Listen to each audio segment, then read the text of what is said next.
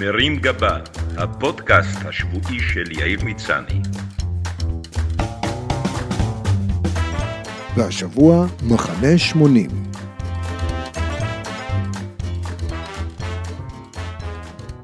כשמשהו כבר לא מצלצל טוב, ממציאים לו שם חדש. פעם קראו לזה בית זקנים, אחר כך בית אבות, דיור מוגן, בית לגיל השלישי, ואז מעון לגיל הזהב. למרות שהזהב היחיד שנוסף בו זה בשיניים. אבל זה לא ממש משנה, כי כשאתה מתחיל לדבר על הדיור המוגן, זה בדרך כלל אומר שאתה, או הוריך, הגעתם לגיל המדובר. בשנים האחרונות אני מקיים מערכת יחסים לא ממומשת עם אתרי הדיור המוגן ברחבי ישראל. סיירתי בהם עבור הוריי, הוצפתי בברושורים מהודרים עטופים בסרטים צבעוניים, פגשתי אנשי מכירות סבלניים, ראיתי חדרים, מועדוניות, בריכות שחייה, חדרי אוכל, חדרי ברידג' ושלל טבלאות אקסל עם הצעות עסקיות לתקופת הפנסיה שלא צלחו. כי הוריי החליטו בסופו של דבר להישאר בבית. עכשיו אני עושה סיבוב שני ומלווה את הוריה של הגברת הראשונה. אין לי מה לחדש לכם, ההזדקנות היא לא כיף גדול. אבל כמו כל דבר בחיים המשונים הללו, ההבדל בין חיובי לשלילי תלוי בגישה שלך.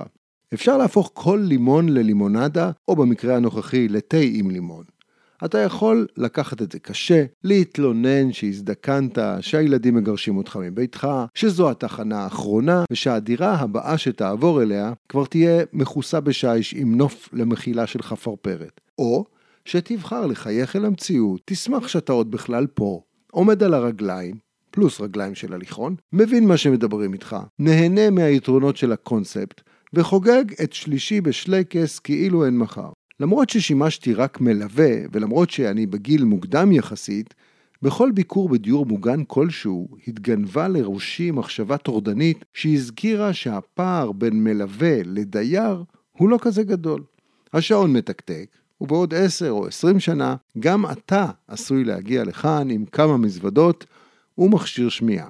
בזמן שבחנתי את המקום עבור ההורים, התחלתי לדמיין את עצמי מכין כד בחוג קרמיקה. כל מי שמכיר את עסקי הדיור המוגן מבין שהדבר האחרון שמוגן שם הוא חשבון הבנק שלך, ולא משנה באיזה מסלול תבחר, תצטרך להשאיר שם חבילה יפה של כסף. לכן, לפני שאתם מבזבזים את כל החסכונות שלכם על בוטוקס, כדי לנסות להישאר צעירים, שימו בצד כמה לירות, כי בקרוב בטח שתהיו זקנים.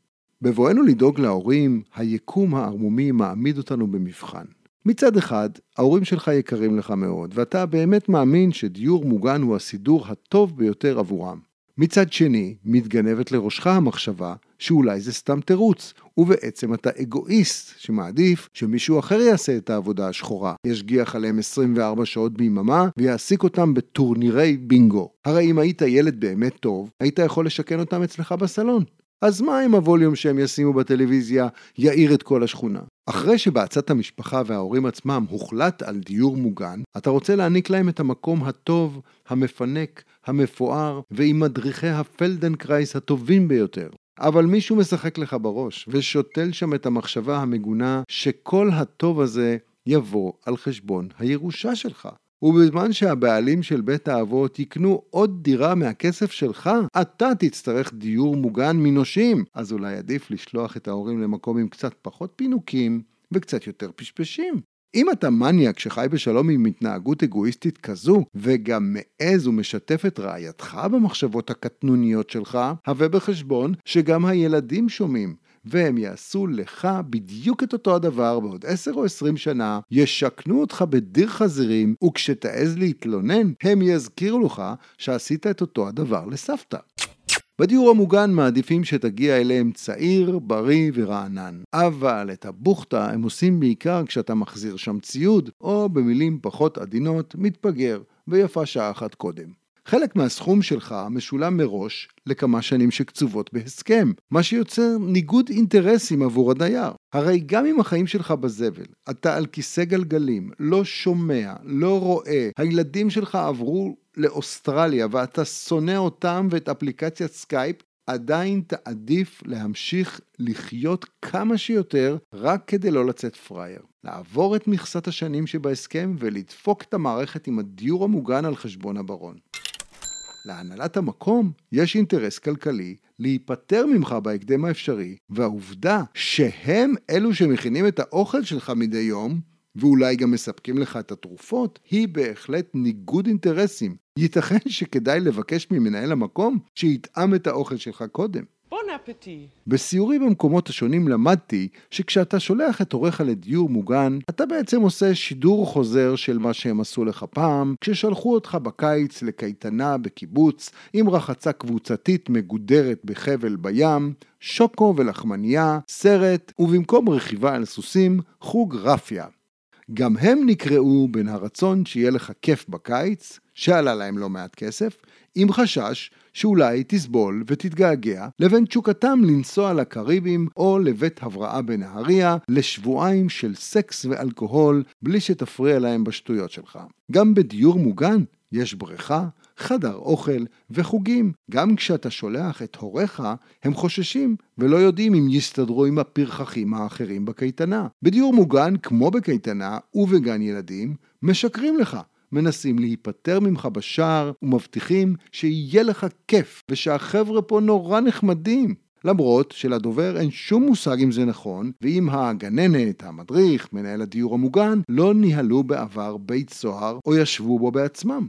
בביקורים בדיור מוגן מקובל וטבעי לשאול המון שאלות. אתה עומד בפני החלטה משמעותית להמשך חייהם של יקיריך, ואנשי הצוות מגלים סבלנות אין קץ. אבל, כמו כשהיית ילד, והוריך שאלו את החברה הראשונה שלך מה עושים ההורים שלה ומאיזה מוצא היא, גם עכשיו, 50 שנה מאוחר יותר, הם ממשיכים להביך אותך, הפעם בשאלות כמו האם אני יכול להביא איתי לחדר את המסור החשמלי שלי, או מה יקרה אם אני וחמדה נחליט להתגרש, והאם היו כבר בעבר מקרים שבהם דיירת עזבה את בעלה לטובת דיירת אחרת. דיור מוגן מזכיר קצת מלון באילת או כנס מקצועי בים המלח. מקומות שבהם אנשים מרשים לעצמם להשתובב ולהשתחרר בתחומי האלכוהול והנאמנות הזוגית. נשאלת השאלה, אם מעבר לתלונות, הוריך הקשישים מרשים לעצמם להתפרפר ולהחליף מדי פעם חדרי שינה עם שכניהם למוסד.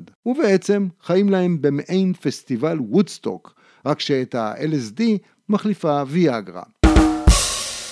ובעצם, למה לא? הם הגיעו לגיל שבו כבר לא עושים חשבון לאף אחד.